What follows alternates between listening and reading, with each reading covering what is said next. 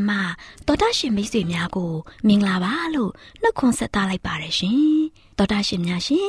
ခရစ်နှစ်2022ခုနှစ်အောက်တိုဘာလ2ရက်မြန်မာတက္ကီ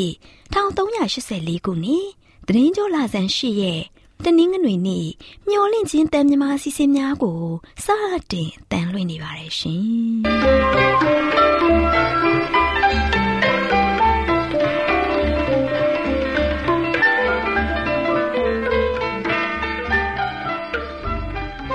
တော်တာရှင်များခင်ဗျာမျောလင့်ချင်းအတန်မြန်မာအစီအစဉ်ကိုနက်နက်6နာရီမိနစ်30မှ9နာရီအထိစကြောင်းမီတာ kHz တစ်ခွန်ခွန်23ညညပိုင်း9နာရီမှ9နာရီမိနစ်30အထိ25မီတာ kHz 11943ညမှအတန်လွှင့်ပေးနေပါတယ်ခင်ဗျာဒီကနေ့တနင်္ဂနွေနေ့မှာထုတ်လွှင့်ပေးမယ့်အစီအစဉ်တွေကတရားဒေသနာဟောကြားခြင်းအစီအစဉ်ကျမ်းမာပျော်ရွှင်လူပေါင်းတွင်အစီအစဉ်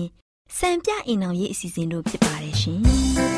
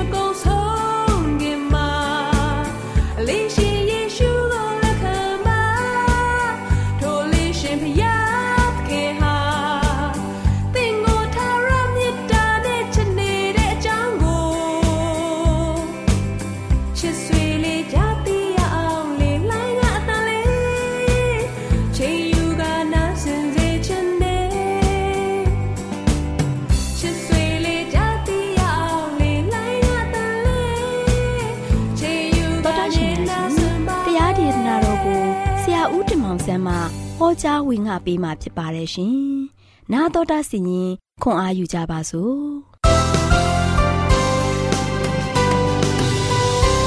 ။ချစ်တော်တော်တာရှင်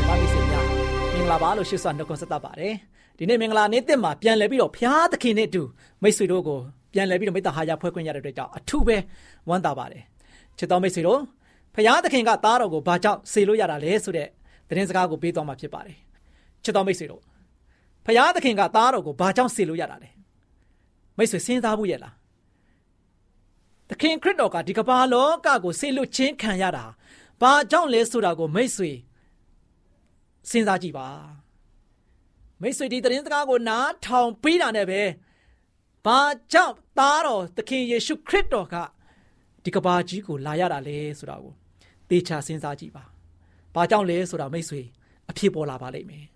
နော် မိတ်ဆွေရဲ့ဘဝတက်တာအတွက်ဘလောက်ခိုင်လုံတည်ကြည်မှုကိုရရှိသွားတယ်ဆိုတာကိုသခင်ခရစ်တော်ဒီကလောကကဘာကြီးကိုလာရောက်ခြင်းအပြင်ကျွန်တော်ကျမအတွက်ဘာအကျိုးကျေးဇူးတွေရရှိခဲ့တယ်လဲဆိုတာကိုစဉ်းစားတွေးတော်ကြည့်တဲ့ရင်းနဲ့ကျွန်တော်တို့ရဲ့ဘဝတက်တာမှာအဖြေရှာကြည့်ကြပါစို့။နောက်ရှင်ယောဟန်ခရစ်ဝင်ပထမရှင်ယောဟန်ခန်းကြီး3ငယ်16မှာဆိုရှင်ရှင်ယောဟန်ခရစ်ဝင်ခန်းကြီး3ငယ်16မှာဆိုရင် ဖျားသခင်ဤသားတော်ကိုယုံကြည်တော်သူအပေါင်းတို့သည်ပျက်စီးခြင်းသို့မရောက်ထာဝရအသက်ကိုရစေခြင်းကဖျားသခင်သည်မိမိ၌တပါးတီသောသားတော်ကိုစွန့်တော်မူတည်တိုင်အောင်လောကီသားတွေကိုချစ်တော်မူ၏ချစ်တော်မိတ်ဆွေဖယားသခင်ကကျွန်တော်ကျမတို့ကိုဘလောက်ချစ်တယ်လဲနော်ကျွန်တော်ကျမတို့ပေါ်မှာချစ်တဲ့ဖယားသခင်ကဘလောက်ထိသူ့ရဲ့မေတ္တာကြီးမားတယ်လဲဆိုတာကိုသင်စဉ်းစားကြည့်ပါနော်သင်စဉ်းစားကြည့်ပါ ဒီကျမ်းချက်ကိုသင်ဖတ်ပြီးတော့နားထောင်လိုက်တဲ့အခါမှာဘလောက်သင်ဘဝအသက်တာအတွက်အနှစ်သာရရှိပြီးတော့သင်ဘဝအသက်တာအတွက်ဘလောက်အရသာရှိတယ်လဲနော်ဖယားသခင်လာရခြင်းဟာသင်ဘလောက်ဝမ်းမြောက်မှုခံစားရတယ်လေချစ်တော်မိတ်ဆွေဖယားသခင်သားတော်ကိုယုံကြည်သောသူပေါင်းတို့သည်ပျက်စီးခြင်းတို့မရောက်တဲ့ထောင်ရတဲ့ကိုရစေခြင်းကဖယားသခင်သည်မိမိ၌တပါးတော်သားတော်ကိုစွန့်တော်မူသည့်တိုင်အောင် လောကီသားတွေကိုချစ်တော်မူတယ်။နော်ကျွန်တော်တို့ကျွန်တော်ကျမတို့ကိုဖယားသခင်ဘယ်လောက်ချစ်တယ်လဲ။ဖယားသခင်ကခရစ်တော်ဒီကမ္ဘာလောကကြီးကိုဆေလို့ရခြင်းလာရောက်ရခြင်းအကြောင်းရင်းအချက်နှစ်ချက်ကိုကျွန်တော်ကြည့်ရအောင်ဒီကျမ်းကျမ်းထဲမှာပထမတစ်ချက်ကပျက်စီးခြင်းတို့မရောက်စေရန်ချစ်တော်မိတ်ဆွေကျွန်တော်ကျမအားလုံးကစာရမဏတ်ရဲ့လက်ချက်ကြောင့်အားလုံးကပျက်စီးခြင်းထဲမှာရောက်ရှိနေပြီ ဒီပျက်စီးခြင်းထဲမှာကြားရောက်နေတဲ့အခါမှာကျွန်တော်တို့ကိုယ်ပါနဲ့ကိုယုံထွက်လို့မရနိုင်ဘူးကိုယ်ပါနဲ့ကိုလည်းလုံးဝအောင်မြင်ဖို့ရန်အတွက်စ조사လို့မရနိုင်ဘူး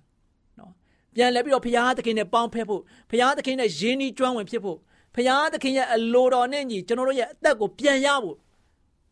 လုံးဝမလွယ်ပါဘူးကျွန်တော်တို့ကိုယ်တိုင်စူးစမ်းယူလို့လုံးဝမတတ်နိုင်ဘူး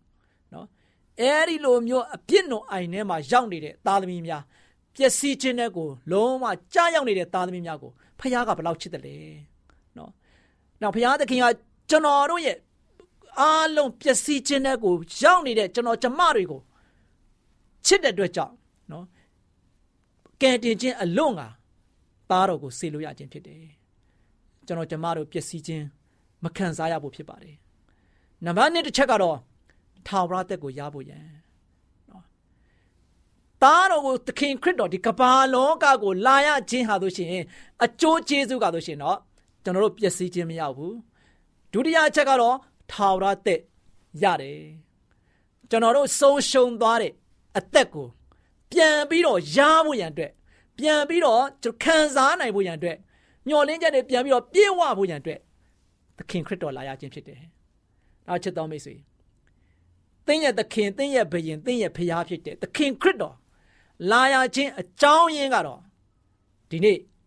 လုံးဝသင်ဘဝတက်တာမှာတန်ဖိုးမဖြတ်နိုင်တဲ့အရာနှစ်ခုကိုပေးခဲ့တာဖြစ်ပါတယ်။နံပါတ်1ကတော့ပျက်စီးခြင်းတို့ကျွန်တော်တို့အားလုံးကမရောက်တော့ဘူး။ပျက်စီးခြင်းထဲမှာကျွန်တော်တို့အားလုံးကကြားရောက်ပြီးတော့ယုံထွက်လို့မရလောက်အောင်ခံစားနေရတဲ့ဝေဒနာတွေအားလုံးကိုသခင်ခရစ်တော်အားဖြင့်ခြေဖြတ်ပလိုက်ပြီ။နော်။ကျွန်တော်တို့အားလုံးသေခြင်းတရားကိုရင်ဆိုင်ရပြီးတော့ ထာဝရသေခြင်းဆိုတဲ့မန်ကိုကျွန်တော်တို့တွေကအားလုံးရရှိသွားပြီးတဲ့နောက်ပိုင်းမှာကျွန်တော်တို့အသက်ကိုပြန်လှည့်ပြီးတော့ထာဝရသေခြင်းကနေမှထာဝရအသက်ရှင်ခြင်းကိုပြန်လည်ပြီးတော့ရရှိဖို့ရန်အတွက်မျော်လင့်ချက်ကိုခခရစ်တော်အားဖြင့်ကျွန်တော်တို့ရရှိခဲ့ပြီ။နောက်ချစ်တော်မိတ်ဆွေတို့ယနေ့ကျွန်တော်တို့အားလုံးကမျော်လင့်ချက်ကင်းမဲ့နေတဲ့သားသမီးများမဟုတ်ပဲနဲ့မျော်လင့်ချက်အပြည့်အဝကိုပေးခဲ့တဲ့သခင်ခရစ်တော်အားဖြင့် ကျွန်တော်တို့အားလုံးကမျှော်လင့်ချက်တွေကိုပြေဝစုံနေစေခဲ့တာဖြစ်ပါတယ်။ဒါကြောင့်ရှင်ယောဟန်ခန်းကြီး1အငယ်30ကနေ73မှာဆိုရှင်ထိုးသူသည်ဤလောက၌ရှိတော်မူပြီ။ဤလောကကိုလည်းဖန်ဆင်းတော်မူပြီ။သို့တော်လည်းဤလောကသည်ထိုသူကိုမသိ။သူသည်မိမိဒေတာအရတ်တို့ကြွလာတော်လဲမိမိလူမျိုးတို့သည်သူ့ကိုလက်မခံကြ။ထိုသူကိုလက်ခံသမျှသောသူဒီဟုသော ကိုတော်ကိုယုံကြည်သောသူတို့ဖျားသခင်ဤသားဖြစ်ရသောခွင့်ကိုပေးတော်မူ၏ထိုသားတော်မူကားလူမျိုးနှင့်ဆက်ဆံ၍ဖွာသောသားမဟုတ်လူအလိုဖြင့်ဖွာသောသားမဟုတ်ဖျားသခင်ဖွာတော်မူသောသားဖြစ်ကြသည်။နောက်ချစ်တော်မိတ်ဆွေတို့ယနေ့သခင်ခရစ်တော်ဒီကမ္ဘာလောကကြီးကိုလာခဲ့တယ်။ခရစ်တော်ကျွန်တော်တို့အတွက်မျှော်လင့်ချက်တွေပြန်လည်ရရှိဖို့ရန်အတွက်ပေးစွမ်းခဲ့ပြီ။ယနေ့ကျွန်တော်ကျမတို့အရဆိုရှင် ခရစ်တော်ကဒီလောက်ထိအနွမ်းနာမေတ္တာခံပြီးတော့ကျွန်တော်ကျမအတွက်ကိုဂျိုးကိုစွန့်ပြီးတော့ပေးခဲ့တဲ့မေတ္တာကိုကျွန်တော်တို့တွေကလက်လွတ်စပယ်ပြုနေကြတယ်။ဤလောကကိုဖန်ဆင်းတော်မူတဲ့ဖယားသခင်ကိုကျွန်တော်တို့အားလုံးကမသိကြဘူး။လောကသားသည်ထိုသူကိုမသိ။ယနေ့ကျွန်တော်တို့လောကသားတွေလောကမှာရှိတဲ့လူတွေကမ္ဘာပေါ်မှာရှိတဲ့လူသားတွေအားလုံးဟာဆိုရှင် ဖရာသခင်ကဖန်ဆင်းခဲ့တဲ့သူတွေဖြစ်တယ်။ဖရာဖန်ဆင်းခဲ့တဲ့သူတွေဖြစ်တဲ့အတွက်ကြောင့်ဖရာသခင်ကသူ့ရဲ့သားသမီးတွေကိုတန်ဖိုးထားတယ်။သူ့ရဲ့သားသမီးတွေအတွက်အသက်လာဆုံးခဲ့တယ်။အသက်ကိုပေးခဲ့တယ်။အသက်ပေးပန်ရှင်ကိုယနေ့လောကသားတွေမသိကြဘူး။နော်။ကျွန်တော်တို့ဒေတာကိုရောက်လာတယ်ကြွလာပေမဲ့လည်းယနေ့လောကသားတွေကဆိုရှင်လက်မခံပဲရှိနေကြတယ်။ယနေ့ချစ်တော်မိတ်ဆွေတင်လည်းပဲခရစ်တော်တင့်နာကိုကြွလာတဲ့ခါမှာ သင်လက်မခံတဲ့လူဖြစ်နေသလားသင်ဟာခရစ်တော်ကိုမသိတဲ့သူဖြစ်နေသလားဒီချိန်နာရီမှာသင်ပြန်ပြီးတော့သင်ကိုယ်ကိုပြန်စဉ်းစားပါသင်ရဲ့ဘဝကိုအောင်မြင်မင်းရဖို့ဘဝမှာလို့ရှိရင်ပုံမပြီးမှတိုးတက်ဖို့သင်ရဲ့ဘဝမှာလို့ရှိရင်ရက်တည်တဲ့ခါမှာမျောလင်းချက်ကင်းမဲ့နေတဲ့သူတယောက်မဖြစ်ပဲနဲ့ရှုံးနေတဲ့သူတယောက်မဖြစ်ဖို့ရန်အတွက်ခရစ်တော်ဖျားလာခဲ့တာကိုသင်ပြန်လည်ပြီးတော့စဉ်းစားပါဒါသင်ရလို့ရှိရင်ယနေ့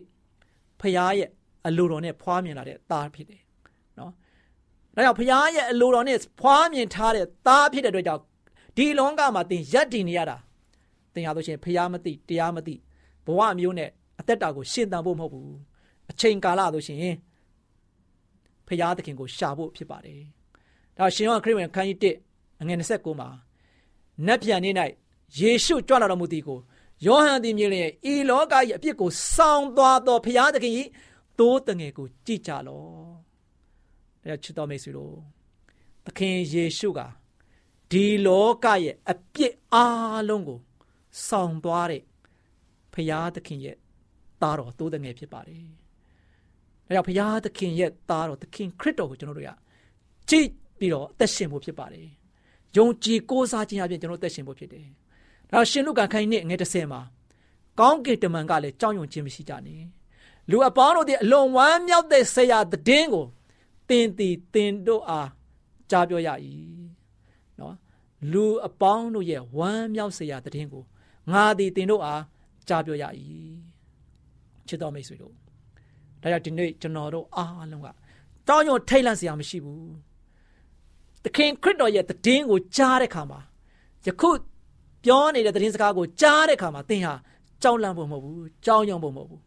သခင်ခရစ်တော်ရဲ့သတင်းဟာသင်ဘဝအတွက်ဝမ်းမြောက်စရာသတင်းဖြစ်တယ်သင်ဘဝအတွက်လုံခြုံပွဲကောင်းလုံခြုံပွဲဖြစ်တဲ့သတင်းဖြစ်တယ်သင်ဘဝအတွက်မှာဆိုရှင်မျောလင်းချက်ပြည့်ဝစုံနေတဲ့သတင်းဖြစ်တယ်ဒါကြောင့်မိတ်ဆွေသင်ရဲ့အသက်တာကိုပြန်လည်ပြီးတော့ဆန်းစစ်ပါယနေ့ခရစ်တော်ကိုသိတဲ့သူတယောက်ဖြစ်ပါဘုရားသခင်ကသင်အနာမှာရှိနေတယ်သင်နာမှာရှိတဲ့ဘုရားသခင်ကိုသင်ရလို့ရှိရင် ကိုးစားပါယုံကြည်ပါသင်ဘဝအတွက်ခရစ်တော်ကဆိုရှင်အသက်ကိုပေးခဲ့တဲ့သူတစ်ယောက်ဖြစ်တယ်သင်ဘဝရဲ့ပျက်စီးခြင်းကိုခရစ်တော်ကပျက်စီးခြင်းခံရပြီးတော့ကျွန်တော်တို့အတွက်ကယ်တင်ခြင်းခဲ့တယ်ယနေ့ကျွန်တော်တို့မျှော်လင့်ချက်တွေအားလုံးကိုပြေဝစုံနေဖို့ရတဲ့သခင်ခရစ်တော်လာရောက်ရခြင်းဖြစ်တယ်သခင်ခရစ်တော်လာရောက်ရခြင်းဟာဆိုရှင်ကျွန်တော်ကျမအတွက်အကျိုးတူကိုရတဲ့အတွက်ကြောင့်ကျွန်တော်တို့ကဆိုရှင်အကျိုးမဲ့တဲ့တက်တာမျိုးနဲ့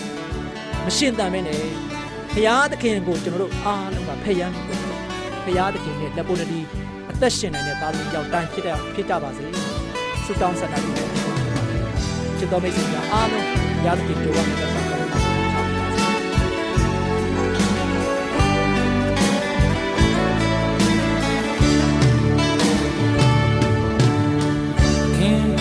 ချိန်ဟာလုံးနီ မှာတဖို့မူတန်ချရဲ့မိမငယ်သောပြလို့တော်များဒီအားဖြင့်ပြည်စုံမလားချင်းချင်းကုန်ပြရတွေ့ချင်းများနဲ့သာတကယ်ပြဖြစ်နေလား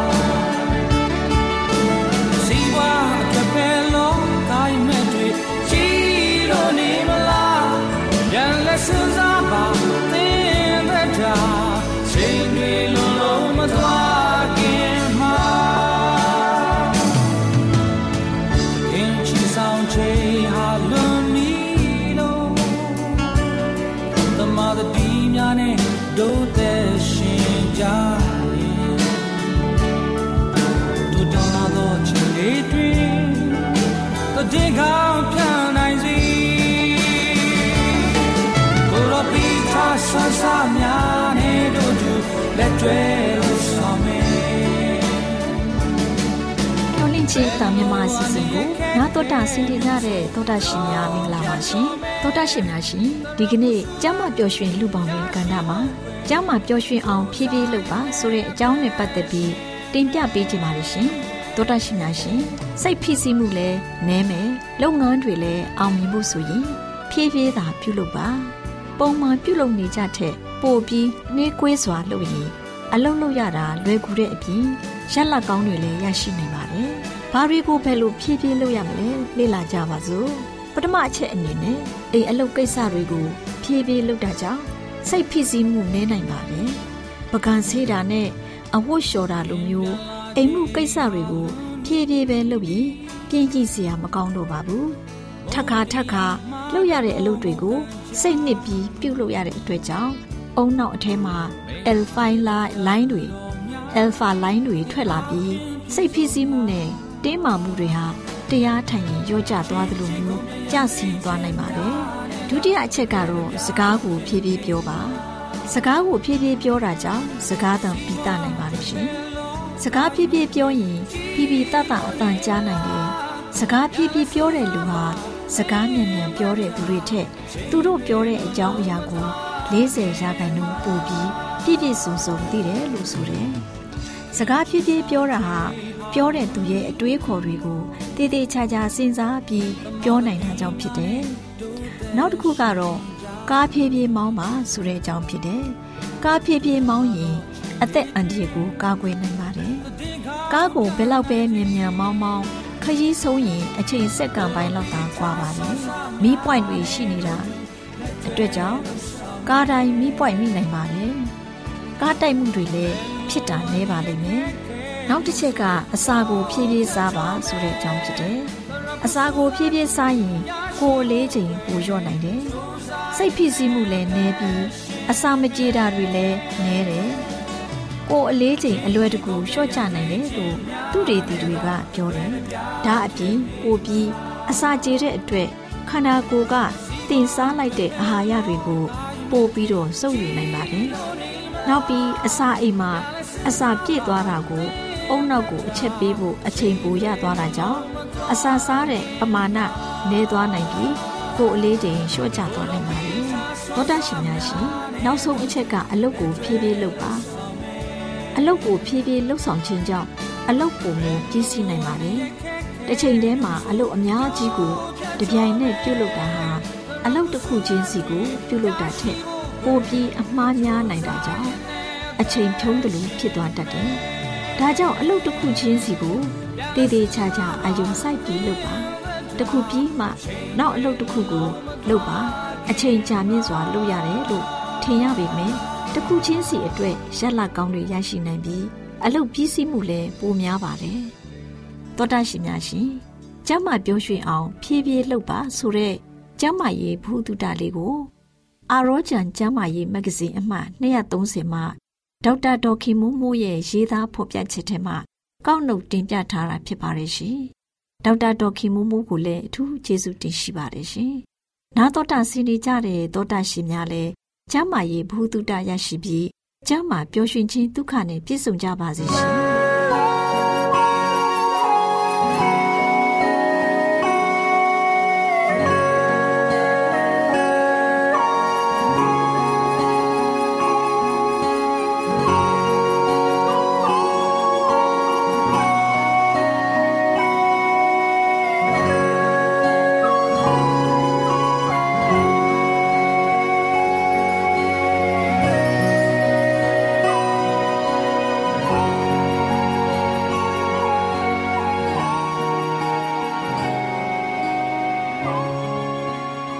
ရှင်များအားလုံးမင်္ဂလာပါရှင်။ခုချိန်မှာစံပြအိမ်အောင်ဆိုတဲ့စာအုပ်ထဲကမိသားစုစီမံကိန်းဆိုတဲ့အကြောင်းအရာနဲ့ပတ်သက်ပြီးတင်ဆက်ပေးချင်ပါတယ်ရှင်။တော်တာရှင်များရှင်မိခင်သားသမီးနဲ့လူအဖွဲ့အစည်းတို့အားစိတ်ဆင်းရဲစေနိုင်တဲ့အမှားအကြောင်းပြောပြချင်ပါတယ်။သားသမီးများမွေးဖွားခြင်းဟာတရားမျှတမှုဖြစ်သည်မဖြစ်သည်ကိုစဉ်းစားဆင်ခြင်မှုမရှိဘဲကြည့်ရှုပြုစုခြင်းခံရရန်၎င်းသွန်သင်ဆုံးမခြင်းခံရရန်၎င်းမိဘများအပေါ်တွင်လုံးဝအားကိုးအားထားပြုနေတဲ့ မဆာမဲ့ကလေးတင်ငယ်မြောက်များစွာမွေးဖွားထားကြတဲ့မိဘများလည်းရှိကြပါတယ်။ဒီလိုပြုလုပ်ခြင်းဟာမိခင်ဖြစ်သူကိုသာမကသူ့ရဲ့သားသမီးများနဲ့လူအဖွဲ့အစည်းကိုပါပြုတဲ့မှားယွင်းမှုတစ်ရပ်ဖြစ်တယ်။မိဘများအနေဖြင့်သူတို့သားသမီးတို့ရဲ့အနာဂတ်ကောင်းစားရေးကိုအမြဲတမ်းနှလုံးသားမှာပိုက်ထားသင့်ပါတယ်။ဘဝအသက်တာရဲ့လိုအပ်မှုများကိုဖြစ်တင်ပေးနိုင်ဖို့အတွက်တနေကုန်တနေကန်ပင်မကြီးစွာလောက်ကင်ဆောင်ရွက်ရတဲ့အခြေအနေမျိုးကိုမရောက်ရှိသင့်ပါဘူး။ အိမ်အောင်သားဥယေတိုးပွားအောင်မပြုမီသူတို့ရဲ့သားသမီးများမွေးဖွားခြင်းဟာဖျားသခင်ရဲ့ဂုဏ်တော်ကိုချီးမွမ်းရာရောက်သည်မရောက်သည်ကိုစဉ်းစားဆင်ခြင်တင်ကြပါတယ်။အိမ်အောင်ပြုပြီးတဲ့ပထမဦးဆုံးနှစ်မှစပြီးအိမ်အောင်သက်တစ်လျှောက်လုံးမှာသူတို့ရဲ့အကျင့်လင်းများဘဝဟာဖျားသခင်ရဲ့ဂုဏ်တော်ကိုချီးမွမ်းစေမဲ့ဘဝမျိုးဖြစ်စေရန်ကြိုးပမ်းတင်ကြပါတယ်။မိခင်ရဲ့ကျမ်းမာရေးရလည်းအရေးကြီးပါတယ်။မိဘများအပေါ်မှာကြီးလေးတဲ့တာဝန်ရှိမှုကြောင့်အိမ်တော်မှာသားသမီးများမွေးဖွားခြင်းဟာ အကောင်းဆုံးဖြစ်သည်မဖြစ်သည်ကိုတေချာစွာစဉ်းစားဆင်ခြင်သင့်ပါတယ်။သူမရဲ့သားသမီးများကိုကြည့်ရှုပြုစုရန်မိခင်မှာလုံလောက်တဲ့အင်အားရှိသလား။ဖခင်အနေဖြင့်သားသမီးများအားမှန်ကန်စွာ ပုံသွင်းပေးခြင်းနဲ့ပညာသင်ပေးခြင်းများဖြစ်တဲ့အကျိုးကျေးဇူးတွေကိုဆောင်ရွက်ပေးစွမ်းနိုင်သလား။ကလေးရဲ့ကံကြမ္မာကိုကြိုတင်စဉ်းစားဆင်ခြင်မှုဟာနှဲပါလာပါတယ်။ကိလေသာတက်မဲ့ခြင်းကိုသာအာသာဖြေဖို့အတွက်နှလုံးသွင်းထားကြတဲ့အတွက်မိခင်နဲ့ဇနီးဖြစ်သူရဲ့ ခန္ဓာအင်အားကိုဆုပ်ယုပ်စေပြီးသူမရဲ့ဝိညာဏအင်အားကိုထုံထိုင်းစေတဲ့ဝန်ထုတ်ကြီးကိုသူမအပေါ်သို့ရောက်စေပါတယ်။ချွတ်တဲ့တဲ့ကျမ်းမာရေးနဲ့စိတ်အားငင်နေရတဲ့အချိန်မှာသူမကြည့်ရှုပြုစုခြင်းမပြုနိုင်တဲ့တိုးစုကလေးတွေဟာသူမအားဝန်းရံထားကြတာကိုသူမတွေ့မြင်နေရတယ်။သူတို့ရတင်ရထိုက်တဲ့တွင်တင်ဆုံးမမှုကိုမရရှိတဲ့အတွက်ဒီကလေးငယ်တွေဟာဖျားသခင်ရဲ့ဂုဏ်တော်ကိုချီးမွမ်းရမှန်းမသိပဲကြီးပြင်းလာပြီးသူတို့ကိုယ်တိုင်တဘာဝရဲ့ဆိုးရုပ်ညဉ့်ညမ်းမှုတွေကိုသူတစ်ပါးကို လက်ဆင့်ကမ်းခြင်းဖြင့်စာရန်စိတ်ကြိုက်ချဲ့လဲနိုင်တဲ့တက်စုတစုပေါ်ပေါက်လာတတ်ပါတယ်။ကလေးသူငယ်တိုင်းဟာတင်းလျော်စွာပညာများစီးပူးလေသူတို့အားကလေးသူငယ်အတိုင်းအဝမ်းမှာခေါင်းဝင်ဆက်နိုင်ဖို့တုံတင်ဆုံးမတဲ့အခါမိခင်ရဲ့ခွန်အားနဲ့အချိန်ရရှိစေဖို့မိဘများတို့ဟာစင်ကျင်တုံတရားရှိတဲ့ပုံကိုများအနေဖြင့်လောက်ကင်ဆောင်ရွက်စီရင်ဖျားသခင်အလိုရှိတော်မူပါတယ်။သူမရဲ့သားသမီးတို့ဟာအိမ်အောင်တဲ့လူအဖွဲ့အစည်းအတွက်မင်္ဂလာတရက်ဖြစ်စေဖို့မိခင်ဟာ သူနဲ့ဆိုင်တဲ့ကဏ္ဍကိုစိတ်ထားမြင့်မြတ်စွာဆောင်ရွက်ဖို့ဖျားသခင်ကိုချစ်ကြောက်ယူတည်တဲ့စိတ်တဘောနဲ့သူမရဲ့လုပ်ငန်းကိုဆောင်ရွက်ရန်သူမမှာသူရတတိရှိရမယ်။ဇနီးဖြစ်ပြီးသားသမီးများရဲ့မိခင်ဖြစ်တဲ့သူဟာအချီးနှီးအလုပ်များနေမယ်ဆိုရင်စိတ်အားငယ်နေရတဲ့အခြေမျိုးနဲ့ရင်ဆိုင်စေဖို့မရှိစေဖို့ခင်မွန်းကလည်းစဉ်းစားဖြစ်တင်ပါတယ်။ရောက်များလာတဲ့ရင်သွေးငယ်တွေဟာတင့်လျော်တဲ့တင် जा ပြသမှုကိုမခံရဘဲကြီးပြင်းလာစေခြင်းအပြင်သူတို့အတွက်တရားမျှတတဲ့တာဝန်ကို မထမ်းဆောင်နိုင်တဲ့အခြေအနေမျိုးမှာသူ့သားသမီးငယ်တို့ရဲ့မိခင်ဟာရက်တီမနေစေဖို့အိမ်နောက်ဦးစီးဖြစ်သူဟာကြည့်ရှုစီမံရမယ်။မိဘတို့ဟာသူတို့အနေဖြင့်ကောင်းမွန်စွာကြည့်ရှုပြုစုပြီးပညာသင်ပေးနိုင်တဲ့ဥယျာဉ်ထက်ပိုပြီးသားသမီးများကိုမမွေးတင်ကြပါဘူး။နှစ်တိုင်းမိခင်ရဲ့ရင်ခွင်မှာမွေးဖွားစသူငယ်ကိုပိုက်ပွေနေရခြင်းဟာသူမအားပြုတဲ့မဟာမတရားမှုတစ်ရပ်ဖြစ်ပါတယ်။ဒီလိုအဆက်မပြတ်သားသမီးများမွေးဖွားရခြင်းဟာ လူမှုရေးဆိုင်ရာပျော်ရွှင်မှုကိုနှဲပါစေပြီးအများအားဖြင့်ဒီပျော်ရွှင်မှုကိုဖျက်ဆီးပြီးအိမ်တွင်းမှုဆိုင်ရာစိတ်ဒုက္ခကိုပုံမများပြားစေကြပါတယ်။သားသမီးဥယျာဉ်များပြားခြင်းဟာမိဘများကသူတို့ရဲ့တာဝန်အနေဖြင့်သားသမီးတို့အားပေးကမ်းအပ်တဲ့ထိမ့်သိမ်းကြည့်ရှုပြုစုခြင်းပညာသင်ကြားပေးခြင်းနဲ့ပျော်ရွှင်မှုဆိုတဲ့ခံစား권တွေရရှိခြင်းကိုလက်လွတ်စေတတ်ပါတယ်။နားဆင်ကြကြတဲ့သောတာရှင်များအားလုံးပေါ်ဖဖျားရှင်ကောင်းကြည့်ပေးပါစီရှင်။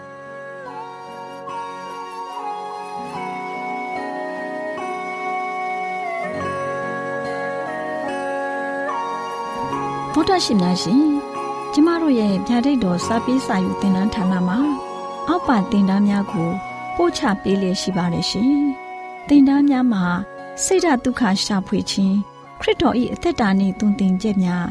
တဘာဝတရားဤဆရာဝန်ရှိပါကျမ်းမာခြင်းနဲ့အသက်ရှိခြင်း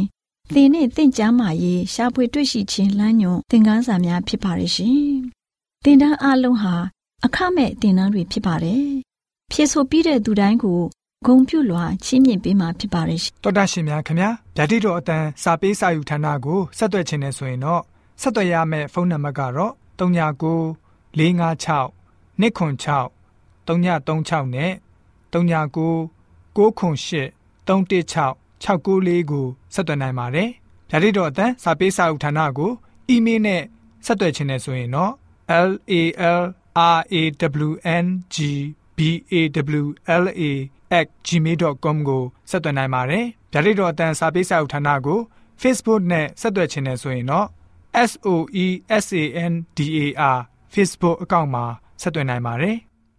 AWR မျော်လင့်ခြင်းအတန်ကိုအားပေးနေတယ်တော်တာရှင်များရှင်မျော်လင့်ခြင်းအတန်မှာအကြောင်းအရာတွေကိုပုံမသိရှိပြီးဖုန်းနဲ့ဆက်သွယ်လိုပါက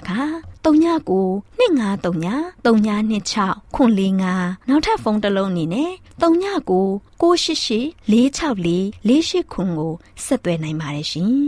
AWR မျော်လင့်ခြင်းအတန်ကို Facebook နဲ့ဆက်သွယ်ခြင်းနဲ့ဆိုရင်တော့ AWR ရန်ကုန် Facebook Page မှာဆက်သွယ်နိုင်ပါတယ်ခင်ဗျာအင်တာနက်ကနေ မျော်လင့်ခြင်းအတန်ရေဒီယိုအစီအစဉ်တွေကိုနားထောင်ခြင်းနဲ့ဆိုရင်တော့ website လိပ်စာကတော့